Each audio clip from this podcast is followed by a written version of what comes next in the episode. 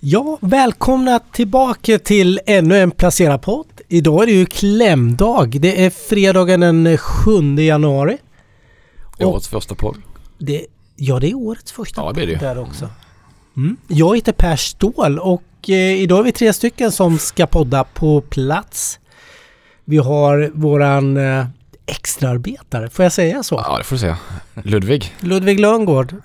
Trevligt. Och sen har vi ju seniora Martin Blomgren här också. Tack, har jag blivit det? Det var länge jag kallades rookie. Men det, Ja, men nu, det är nytt år. Det, det, du började här under fjolåret. Oh, precis ja, i det blev januari. nästan precis ett år sedan Ja. faktiskt.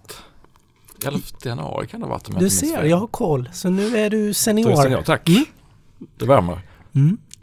Ja, det har varit en vecka in på det nya året. Det har varit lite halvstökig Mm. start får man väl säga. Det var ju en, ett tomteralle där.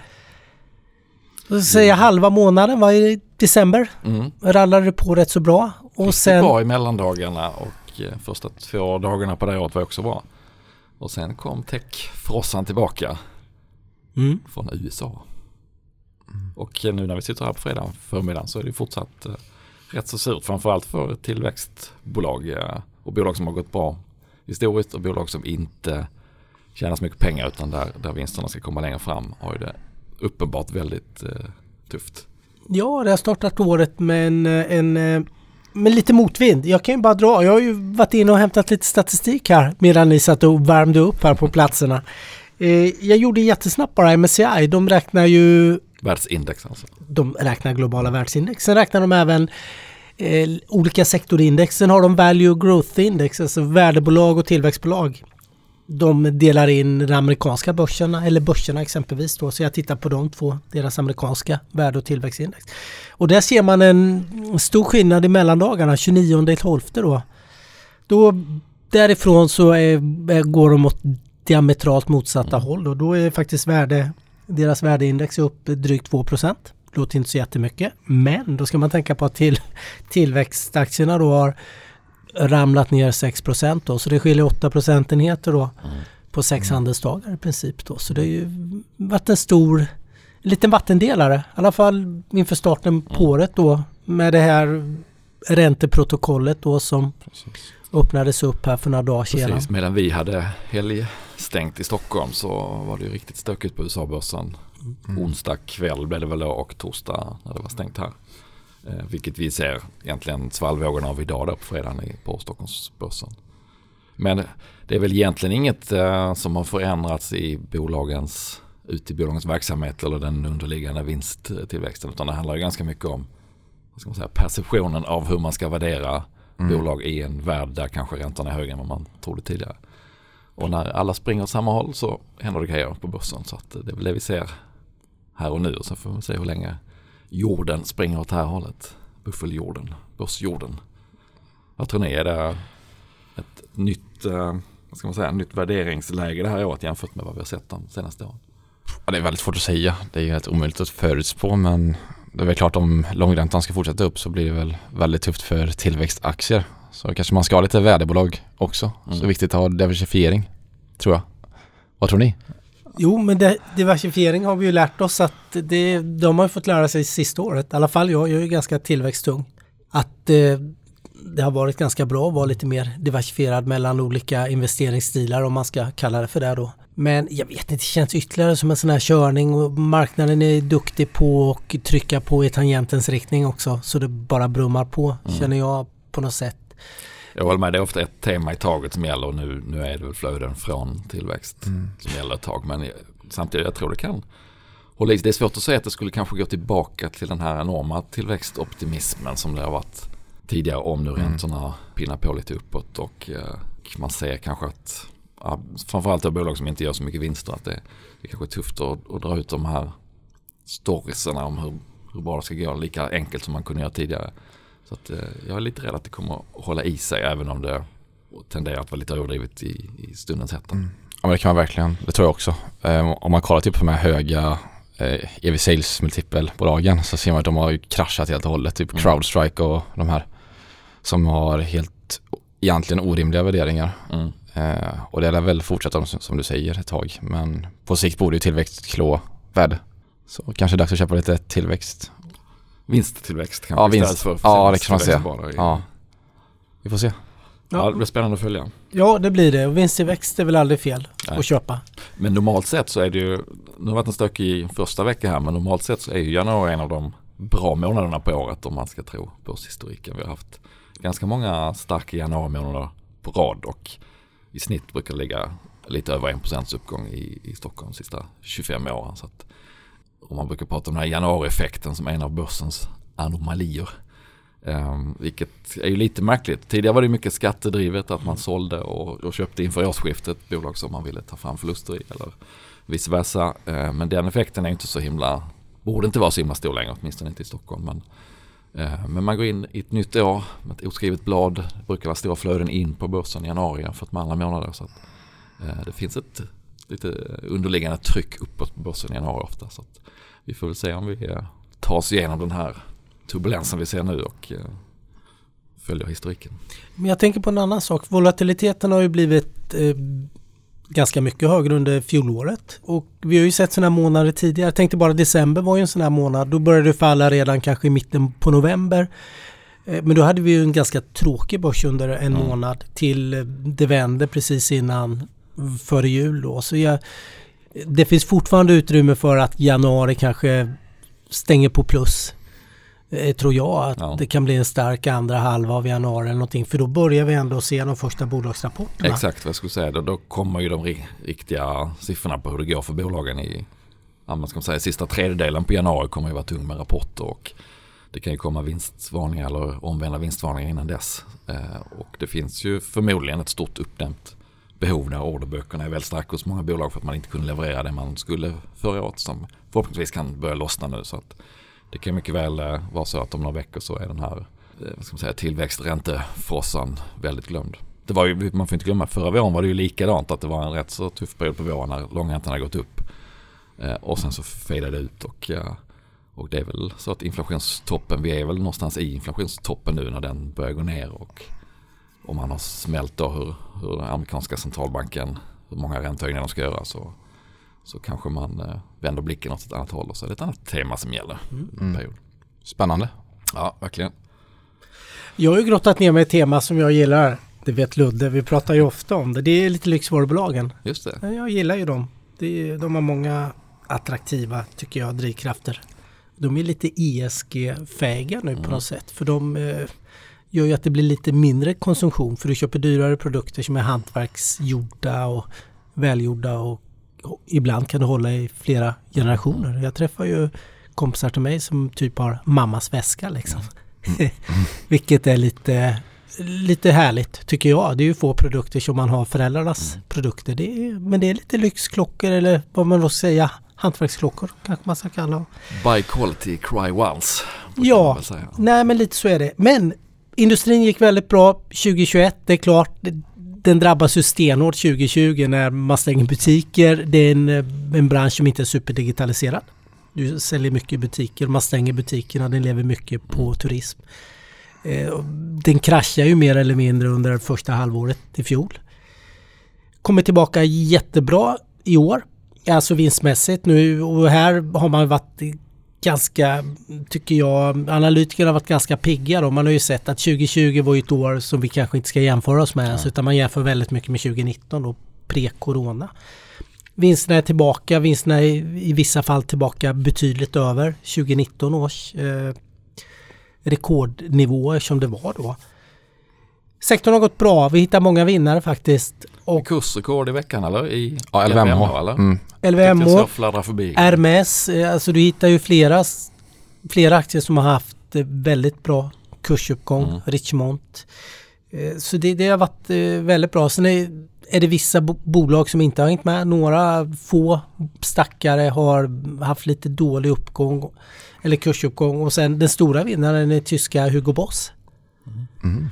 Som då hade ett jättedåligt fjolår. 2020 var, då var den sämsta aktien, den var faktiskt ner. Vilket beror på att man har, har ju en huvudinriktning eller stora delen av intäktsramen är ju mot kostymer, alltså jobbkostymer, gå till jobbet. Och med, behöver vi inte gå till kontoren för att Han behöver inte ha en bosskostym. Nej, då behöver du inte ha en ny bosskostym då. Då, sitter, då vill du ha nya, nya, kanske lite mjukiskläder och så vidare. Men man har börjat att bredda sig mycket mer nu mot eh, mer fritidskläder och eh, man har ny VD också fick man in under året som man plockade från Hilfiger. Och det här har investerarkollektivet gillat och man ska digitalisera sig bättre. Man har en, man har en plan nu för hur man ska bredda intäktsbasen genom att göra mer sportkläder, fritidskläder och den här typen av av breddning då och en digitaliseringsidé då som eh, det finns ett bra track record på för vdn kommer tidigare från Hilfiger där de har gjort lite samma, samma strategiförändring då. Så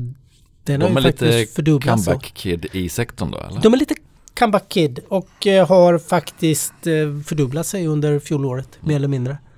Men det räcker inte för att skapa något kursrekord för kursen är fortfarande under vad den var när vi gick in i den här eh, corona, coronaperioden. Då.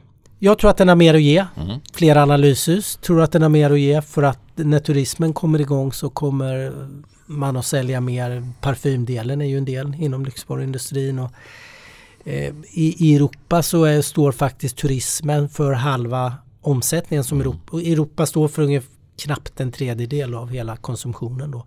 Men av den knappa tredjedelen så är ungefär 40-50 procent är turismdrivet. Det det rika. Flyg, det man handlar på flygplatsen. och- Ja, du handlar även i lyxbutiken även här i Stockholm då så är det mycket kanske amerikanska turister och asiatiska turister som får sådana här de blir av med skatten exempelvis. Eh, Den kan du växla in på Arlanda och sådär då så att det blir ganska aptitligt då. Den eh, är ju borta i princip eller har varit borta nu då sen corona den typen av konsumtion. Då. Och även i Hongkong såklart där man, det är en stort del av turism. Vi får se. Spännande. Sex- Men skulle du säga att Boss är den aktie i sektorn som, som du tycker är mest spännande på säga, kort och medellång sikt? Nej, det tror jag inte. Jag tror att de har fått mycket av ny, ny management, ny VD som har stökat om i management och ny strategi. Jag tror man har plockat ut Ah, mycket, okej, man- mycket av den här kursuppgången nu Mm. nästa år. Nej, jag gillar ju fortfarande LVMH. Lite som eh, Jätten. Ja, jätten. och klassledaren då.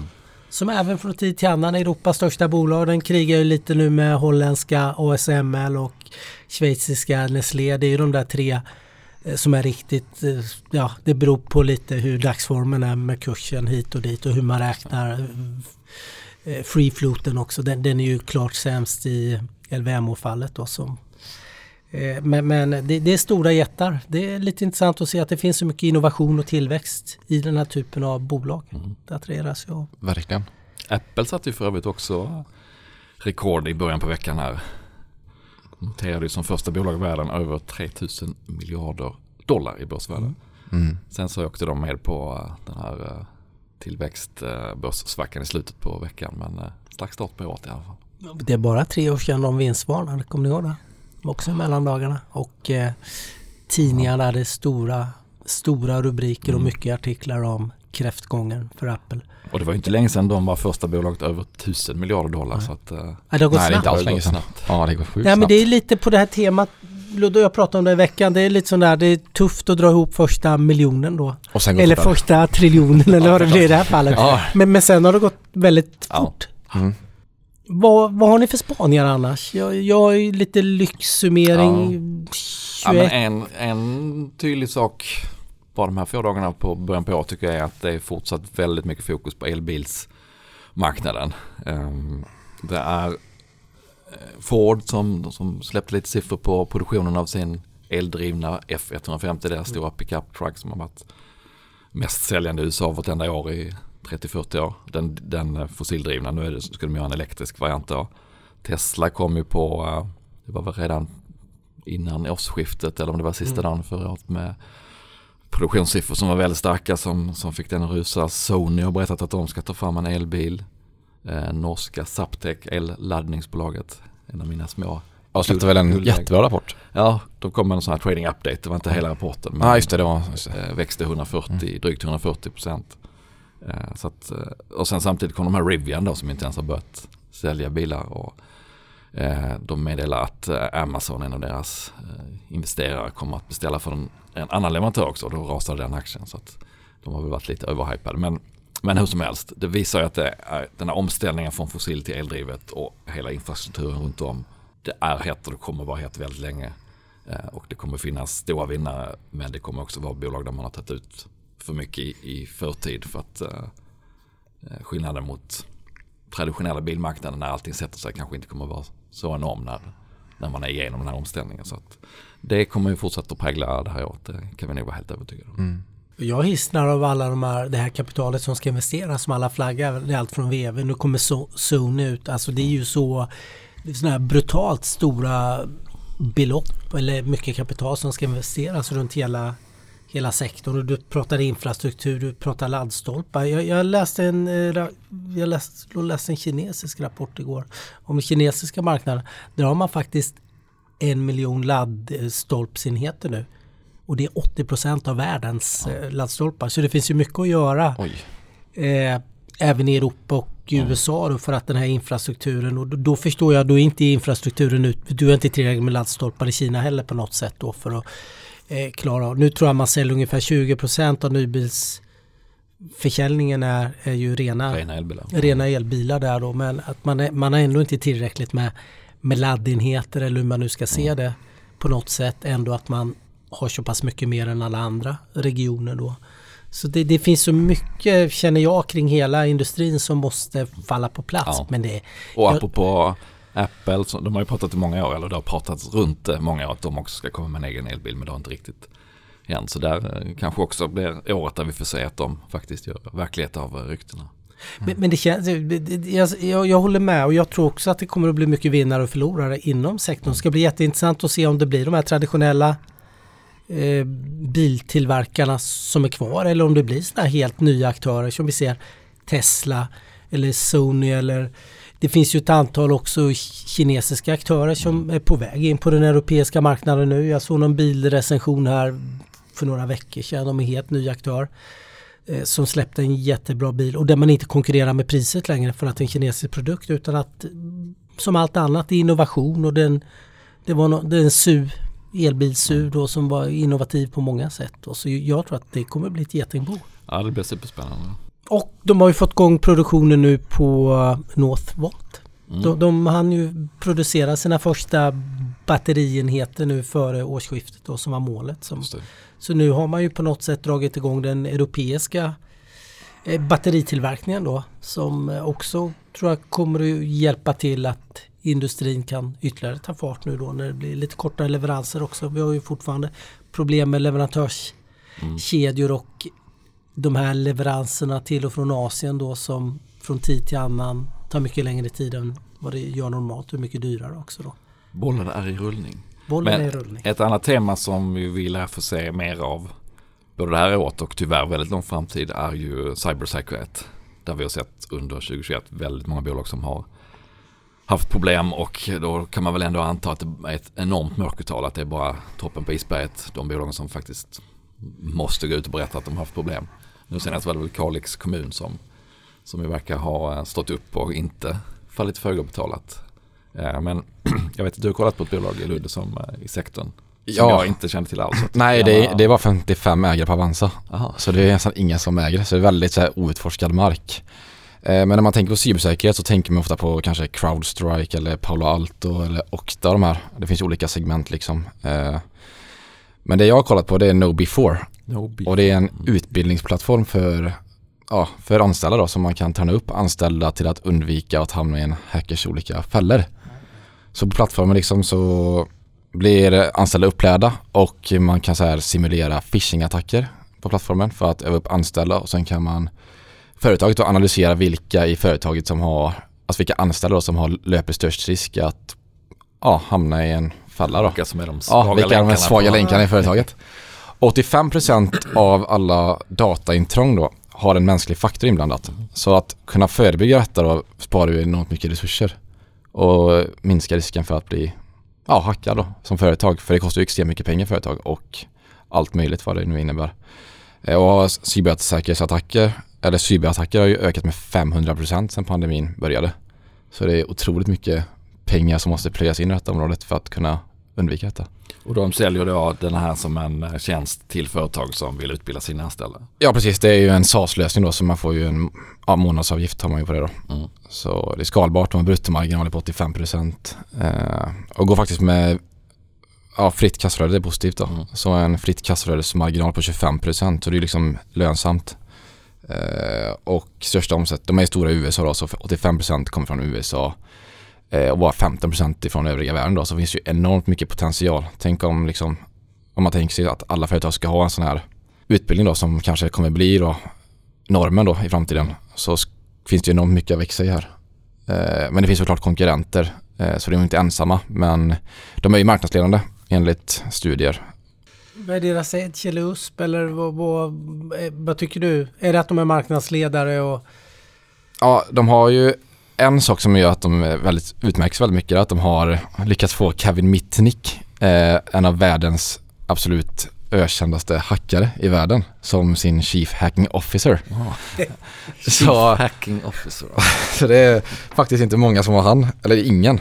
Eh, och det bidrar ju till kunskap i företaget och ja. väldigt mycket gratis reklam. Liksom. Tänk om du kommer till ett företag och säger ja, ah, vi, vi ska sälja på eh, ja, ett företag den här produkten och vi har en av eh, 20-talets brutal, alltså ökändaste hackare som hjälper oss att göra simulera, alltså simulera phishing-attacker tror, alltså det är ju liksom en konkurrensfördel mot konkurrenterna. Ja, ett bra trumfkort att spela ut. Eh, så ja, det är ju en konkurrensfördel och sen har AI, sånt där maskininlärning, ju mer data du får och mm. ger produkten bättre. Men det är ju kanske lite svagare konkurrensfördelar om man säger så. Och en annan spännande grej, eller spännande och spännande, är att det verkar som att den här vdn här eh, har verkligen lyckats få en bra företagskultur. De har ju fått utmärkelse liksom i USA för att det är så jäkla bra företagskultur för företaget. Eh, och om man kollar på den här hemsidan Glassdoor. Hon vet vad det är för någonting. Nej. Det är en hemsida man kan kolla på recensioner anställda gjort från företaget. Mm. Så man kan liksom se vad folk skriver om det. Och då har de fått 4,8 och det är väldigt sällsynt att få så otroligt bra rating. Och hur, hur har den gått på börsen? Är den, eh, alltså inte alls mycket. Eller? Det är ju, den IPOades i april tror jag förra året. Så den har ju inte, det är ingen raket. Det är som urskiljer mycket från andra cybersäkerhetsbolag. Och det är ju mindre konkurrens här än vad det brukar, säga mjukvara är ganska mycket konkurrens i. Här är det betydligt mindre konkurrens. Eh, och väldigt underpenetrerat område. Endast 3% av alla globala cybersäkerhetsinvesteringar går till just utbildning då, det här segmentet som de är inom då. Trots att 85% av intrången är Precis, så det är lite konstigt eller? egentligen. Mm. Mm. Um, så... Ja men det är säkert ett uppvaknande på gång för många organisationer. Mm. Ja jag tror det. Det blir som våra klassiska brandövningar. Ja. Man får sitta och göra mm. de här internutbildningarna då eller med jämna mm. mellanrum och de uppdateras ja, antar jag efter hur hotbilden eller vad man ska säga förändras mm. kontinuerligt. Så grejen är väl att eh, ja, de lägger väldigt mycket marknadsföring också på, alltså 50% av kostnaderna är ju marknadsföring. Det är sales och marketing så de vill liksom få ut detta att det, ja, det här ska bli liksom en norm tror jag, mm. mer eller mindre. Du brukar ju titta lite på ägarna för jag vet att du gillar när det är en bra ägarstruktur och det finns mm. bra track record. Har du tittat något på ägarbilden? Ja, vdn är, har mycket aktier och han är Kevin Mitnick är även aktieägare. Så han måste ju veta exakt vad, vilket problem detta är liksom. Kevin Mitnick. Han är ju duktig, han vet ju liksom grejen, tror jag. Så, ja, mycket institutioner också. Det är inte bara eh, vd som är i aktier.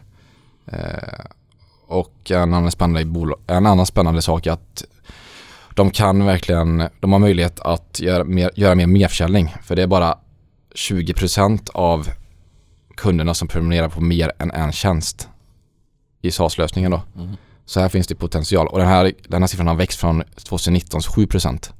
Så den växer hela tiden, konstant har den växt. Så det är också en så här, trigger om man ska säga som kan bli bra på sikt. När de upptäcker fel eller brister så kan de ja, lägga till en till tjänst liksom. Så det är också väldigt intressant. Eh, men värderingen är ju ganska hög. 11 gånger omsättningen på innevarande år.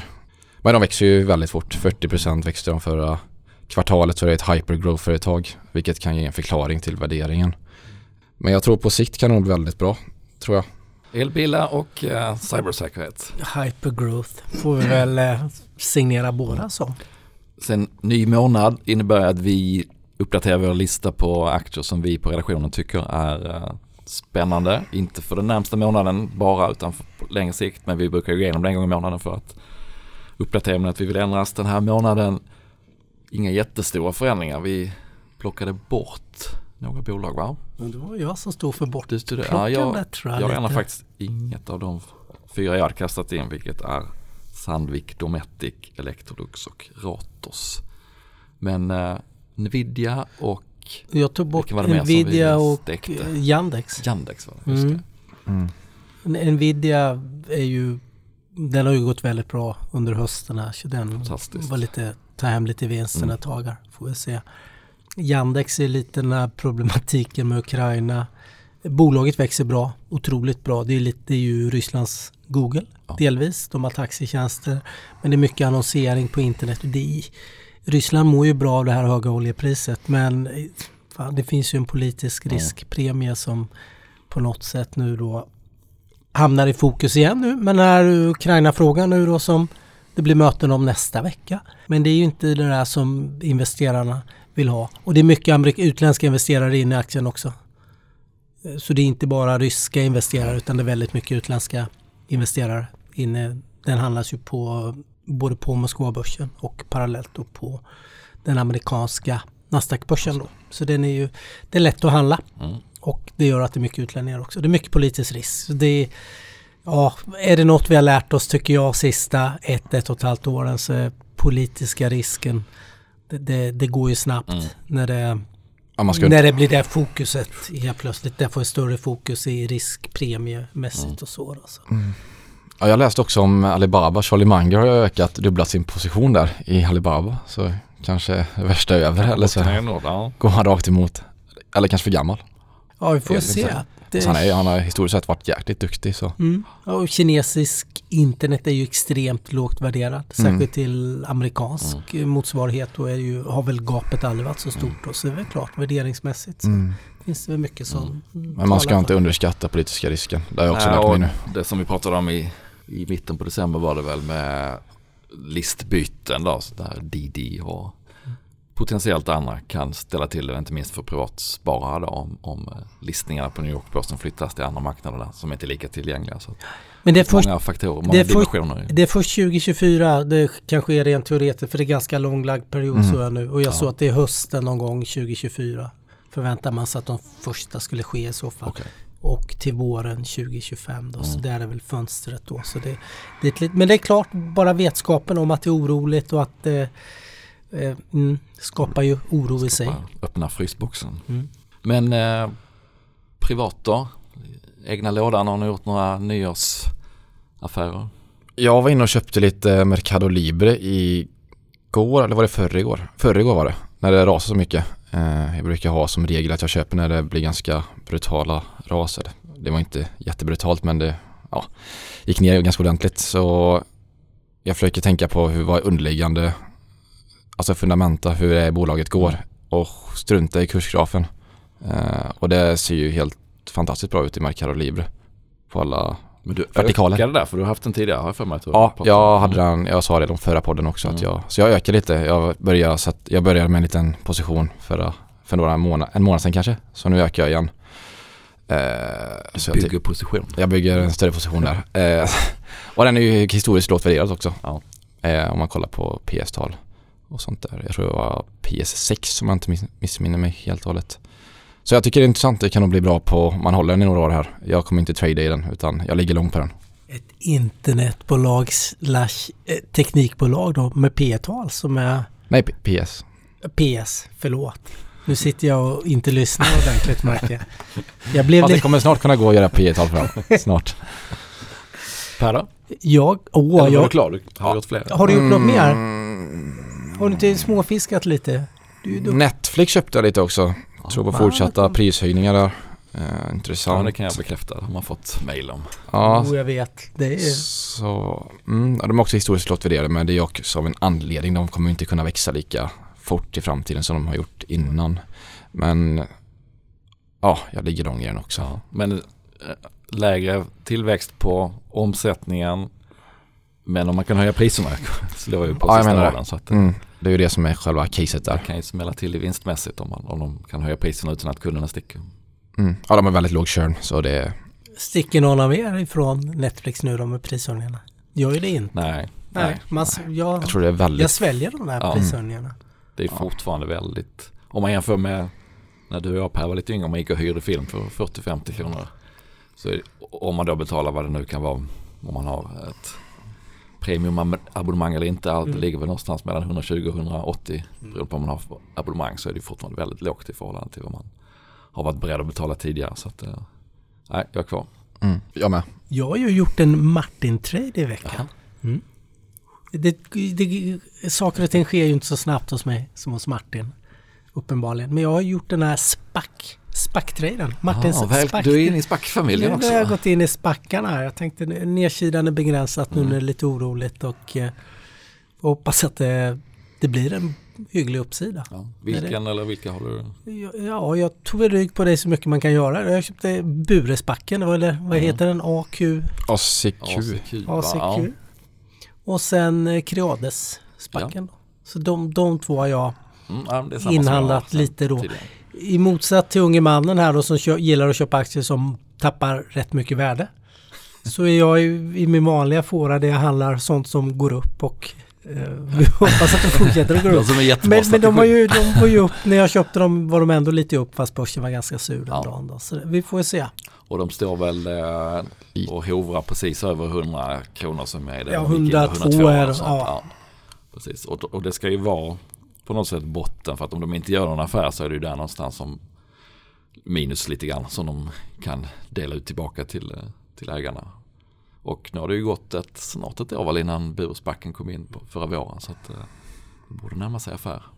Ja, jag håller med, jag tycker det är en kul, eh, ett kul ställe att parkera pengarna i. Mm. Eh, som kan ge bra uppsida men där det borde stå ganska stilla även om börsen blir lite svajig. Jag tog pengarna från mitt lilla eh, räntekonto som då ger 60 basis, eller prickar, punkter. Då 0,6 procent om vi ska prata ren svenska då, per år. Så de, där har jag, Hoppas du kan slå det. jag hoppas kunna slå den biten då. Så vi får se då vad det blir. Men det ska bli spännande att se för det lär väl hända lite. Får man Ja, ju det har ju varit stendött på de svenska nordiska spackarna. Nu var det en i Finland som, eh, som sattes i arbete som jag har stuckit iväg uppåt. Då. Eh, annars har det varit ett, det var ju fjolåret extremt hett i början på året i Mm. USA. Och sen så svalnade det ganska snabbt och eh, var rätt eh, många som inte gick så himla bra. Så att där har ju bubblan lite grann pyst ut men eh, de svenska är ju riggade på lite annat sätt och är väl lite mer långsiktiga i sitt upplägg. Och ja, ingen affär är gjord än så att vi får väl se vem som... eh, Man, man kan ju tänka sig att de är mer picky med vad, vad man vill göra för att det är... Alltså både Bure och Creades har ett, ett, ett rykte när det gäller sin andra verksamhet att tänka på. Så de vill säkert jättegärna göra något seriöst och bra och långsiktigt som, som landar väl. Mm. Ja, jag är också lite inne på det. Jag funderar också på att jag har ganska mycket kassa. Så kanske parkera lite pengar som ni gör i ACQ Bure Mm. eller Kreasback. Välkommen. Alla är välkomna Alla är välkomna. Ja, alla kommer följer. Det ska bli spännande att följa Ja. här spackäventyret. Så de har du köpt. Mm. Något mer? Nej. Du då Martin? Inte så mycket. Jag har gjort en liten nyårsuppställning. Jag sålde ett eh, norskt biotechbolag som är det som heter Arctic Symes. Enzymer inom genterapi. Jag ligger lite plus på den men den har svängt lite upp och ner och eh, jag har väl inte egentligen någon liksom, super eh, conviction eller superkunnig på bolaget. Så att, och det var ingen stor post. Så att den fick åka ut och istället så ökade jag lite i Embracer. Tycker det var spännande med den här affären, affärerna de gjorde i december där de gick in på brädspel och mer eh, kassaflödes-positiva eh, verksamheter som breddar verksamheten och gör dem lite, kanske lite tråkigare men lite stabilare. Och de får in en massa rättigheter som förhoppningsvis de kan förvalta väl genom att bygga nya spel och sånt. Plus de har en massa spelsläpp eh, närmsta året, åren på gång. Så att det har ökat lite. Och stora insiderköp var det från eh, vdn. Wingfors i, under jul och nyårshelgen. Så that's all Mm. i min lilla låda. Gott, ska vi uh, runda av? Eller vad säger ni? Ta helg igen höll jag på att säga. Men det är ju småhelger hela tiden nu. Ja, verkligen. Vi tog ju småhelg i onsdags här. Ja, Men nu är det väl riktig helg. nu tar vi riktig helg. Och nästa vecka är det riktig vecka. Kan man säga så? Men det känns det är en fem dagars vecka och det är inga, inga halv och heldag eller halvdagar. Ja. Folk är tillbaka, marknaden är tillbaka då. Säkert lite bättre likviditet också när de här helgerna är över. Ja, och lite mer kanske fokus på kommande rapporter än på makrostök och centralbankstolkningar. Eh, tolkningar. Hoppas. Precis. Och jag kom på en annan sak. Det är helt ovidkommande. Men idag är det rysk julafton 7 januari. Jaha. På tal om ingenting. Mm. Men eh, lite på Ukraina och Rysslands tema. Exakt, den här Så de- 13-helgen är väldigt stor i, i Ryssland i förhållande till hur vi ser på den, eller hur? Mm. De har en liten annan sån här, kyrkan har en liten annan kalender Mm. och räkna jul och så gällande Kristus och så. Nu kanske någon mejlar in och berättar att jag är helt fel is men det är så jag har fått lära mig i alla fall. Men vi får hoppas att Putin har fått in sig mycket gott nu i helgen att de är på bra humör när samtalen upptas på måndag. Om mig. Ja, han har ju fått lite i Kazakstan att göra, Mm. fundera över. Så Mm. eh, det finns säkert att prata om på de där mötena. Men då önskar vi trevlig helg. Trevlig helg! Trevlig helg.